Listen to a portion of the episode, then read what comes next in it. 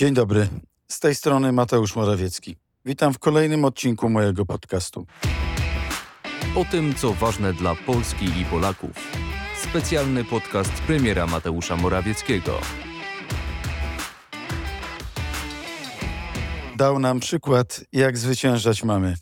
Chodzi oczywiście o Napoleona Bonaparte, który u szczytu swojej potęgi podbił nie tylko całą Europę, ale nawet udało mu się wedrzeć do naszego hymnu. Należał do największych w dziejach.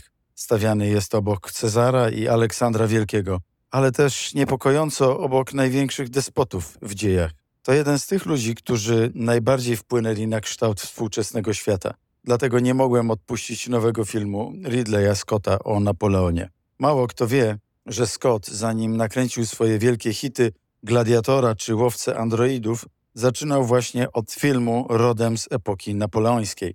Jego Pojedynek, film sprzed 50 lat, ma w sobie polski akcent. Został nakręcony na podstawie opowiadania Josepha Conrada i choć Scott nie miał jeszcze wtedy milionów na kręcenie megawidowisk historycznych, to udało mu się zrobić niezwykle intrygujący film. Choć główną zasługę trzeba tu oddać tajemniczej prozie naszego wspaniałego Józefa Korzeniowskiego. Teraz było inaczej. Wielkie pieniądze, wielki temat, wielka postać, tak wielka, że mało kto próbował zmierzyć się z nią w kinie. Myślę, że dla polskich widzów pierwszym szokiem będzie fakt, że reżyser nie lubi Napoleona. My, Polacy, kochamy Napoleona i to niestety czasami bezgranicznie i zbyt często bezkrytycznie. Wychowywaliśmy się przecież na wspomnieniach Ignacego Rzeckiego z lalki i na panu Tadeuszu.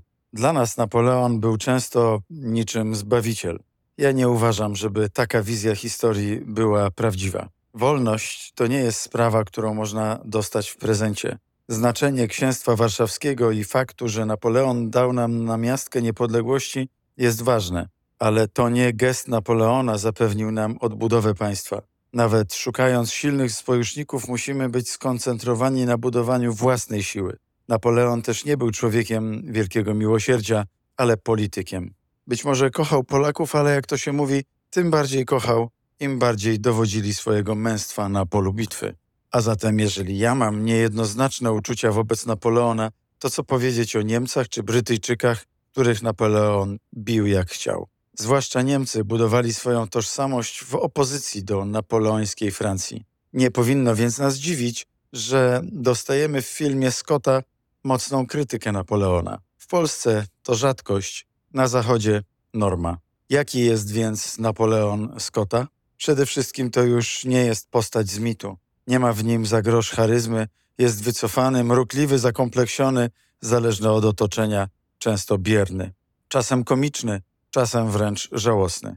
Niesiony poczuciem swojej wielkości, rządzą władzy i potęgi. A czy taki Napoleon był, a czy taki Napoleon był właśnie prawdziwy?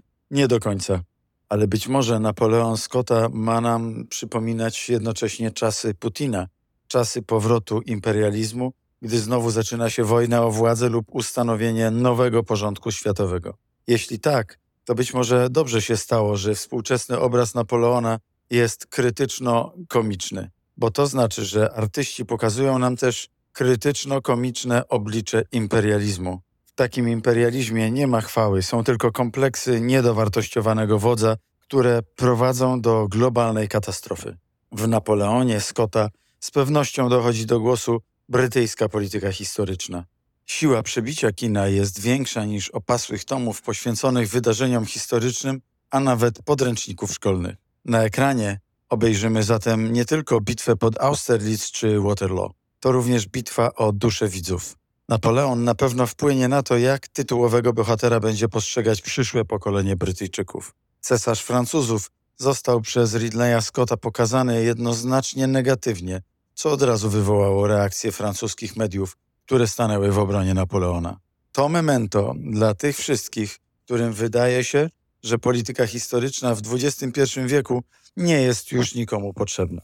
O ile nie przeszkadza mi zupełnie nowa interpretacja mitu Napoleona, to już bardziej krytycznie odnosiłbym się do pewnych manipulacji faktami historycznymi. Zresztą Brytyjczycy mają tu bardzo wiele na sumieniu. Kiedy kręcili film o tym, jak rozszyfrowano enigmę, przez przypadek zapomnieli o kluczowej roli Polaków w tej sprawie. A jak jest w Napoleonie? Już w otwierającej go scenie widzimy Napoleona, który przypatruje się egzekucji Marii Antoniny, podczas gdy w rzeczywistości przebywał wtedy, czyli w październiku 1793 roku, na południu Francji, uczestnicząc w oblężeniu Toulonu. Takich nieścisłości jest więcej i niestety służą chyba głównie temu, aby zrobić z Napoleona pionek w naszych współczesnych sporach. To chyba trochę za wiele. W filmie pojawia się również Talleyrand, legendarny minister spraw zagranicznych, będący ideałem dyplomaty spod znaku realpolitik. Jak sam o sobie mówił, był sługą wszystkich reżimów Francji, z których wszystkie zdradził, bo przysięgał służyć Francji, a nie jej reżimom. Nie mogłem nie wspomnieć o Talleyrandie, bo kilka dni temu zmarł Henry Kissinger, dyplomata, który większość życia spędził na kreowaniu polityki zagranicznej USA w formalny lub nieformalny sposób. Jeszcze za życia stał się klasykiem realizmu. Gdy chodzi o polityczną zręczność, był dla wielu wzorem. Jednocześnie pozostaje dzisiaj postacią niezwykle kontrowersyjną, o czym świadczą reakcje na jego śmierć. Był bowiem politykiem imperialnym, a to oznacza, że jego decyzje przesądzały o wojnach i pokoju, o życiu i śmierci milionów.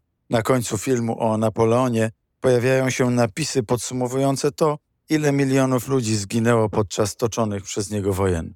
Gdyby powstał film o Kissingerze i kończył się taką samą planszą, jego wynik byłby jeszcze większy niż samego Boga wojny. O Napoleonie przyzwyczailiśmy się myśleć jako bohaterze romantycznym. W ten sposób pokazał go również Ridley Scott. W jego filmie Napoleon samodzielnie dowodzi szarżą pod Waterloo, mimo że naprawdę przypatrywał się jej z bezpiecznej odległości, zgodnie zresztą z kanonami sztuki wojennej. Warto przy okazji dodać, że to właśnie w tej scenie możemy dostrzec polskiego szwoleżera wzywającego wodza do ucieczki. No przepraszam, ale to już naprawdę gruba pomyłka. Napoleon był przede wszystkim strategiem, a nie po prostu żołnierzem. Nic więc dziwnego, że swój doktorat Kissinger, być może najbardziej wpływowy geopolityk XX wieku, poświęcił zagadnieniu pokoju w latach 1812-1822. Wydarzenia tamtych lat zdefiniowały reguły światowego porządku właściwie do dziś. I Kissinger był jednym z tych, którzy uznawali te reguły za niepodważalne. Jako sekretarz stanu Kissinger był architektem amerykańsko-sowieckiego odprężenia z początku lat 70. Uważał, że Stany Zjednoczone powinny pogodzić się z istnieniem komunistycznego imperium, którego w dającej się przewidzieć przyszłości nie czeka ani rozpad, ani reforma. Aby uniknąć wojny nuklearnej, należy zatem uprawiać politykę kohabitacji, a nie konfrontacji ze Związkiem Sowieckim. Za wszelką cenę, także kosztem praw człowieka i wolności narodów znajdujących się w Układzie Warszawskim. Wiemy, że Kissinger głęboko się pomylił. Przekonanie, że ZSRR należy powstrzymać, lecz w trosce o równowagę sił na świecie nie należy go pokonać, które przeważało wśród elit politycznych USA do czasu prezydentury Ronalda Reagana, działało niczym samospełniająca się przepowiednia. To Reagan, który określił ZSRR mianem imperium zła, zerwał wreszcie z polityką powstrzymywania. To właśnie okazało się początkiem końca sowieckiego imperium. Pamiętajmy jednak, że rozpad ZSRR nie byłby możliwy bez ideowego i dyplomatycznego wsparcia, którego prezydentowi Stanów Zjednoczonych udzielili Jan Paweł II i Margaret Thatcher, ówczesna premier Wielkiej Brytanii. Bardzo ważna była oczywiście także rola Jana Pawła II i polskiej Solidarności, a chyba najważniejsza wojna w Afganistanie.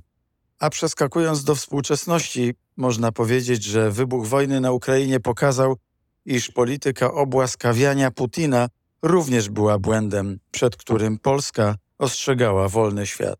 Reakcje na tę inwazję pokazały natomiast, że realizm polityczny Kissingera wciąż cieszy się niestety niezasłużoną popularnością, także wśród tych, którzy kształtują otaczającą nas rzeczywistość. Napoleon, Talleyrand czy Kissinger to politycy imperialni, uczestniczący w swoich czasach w grze o najwyższą stawkę, o władzę nad światem. W imię swoich celów są w stanie poświęcić miliony ludzkich istnień. Uznają, że to cena, jaką warto płacić za pokój. To politycy, którzy nie mijają się z prawdą, bo gdy kłamią, za nimi zaczyna kłamać cały świat. Każdy z nich reprezentował pogląd, który jeszcze teraz pozostaje kuszący dla wielu światowych przywódców. Jednak zarówno wydźwięk filmu Scotta, jak i reakcja na śmierć Kissingera pokazują, że większość ludzi na świecie nie chce już tak rozumianej polityki. I to jest dobra wiadomość. Ale o tym, jak robić konsekwentnie romantyczną politykę wartości, która jednak nie osuwa się w naiwność, pomówimy innym razem, bo ta sprawa jest jeszcze bardziej skomplikowana. Na dzisiaj to już wszystko. Do usłyszenia w przyszłym tygodniu. Mówił Mateusz Morawiecki. Podcast jest dostępny w serwisach Spotify, Google Podcast oraz Apple Podcast.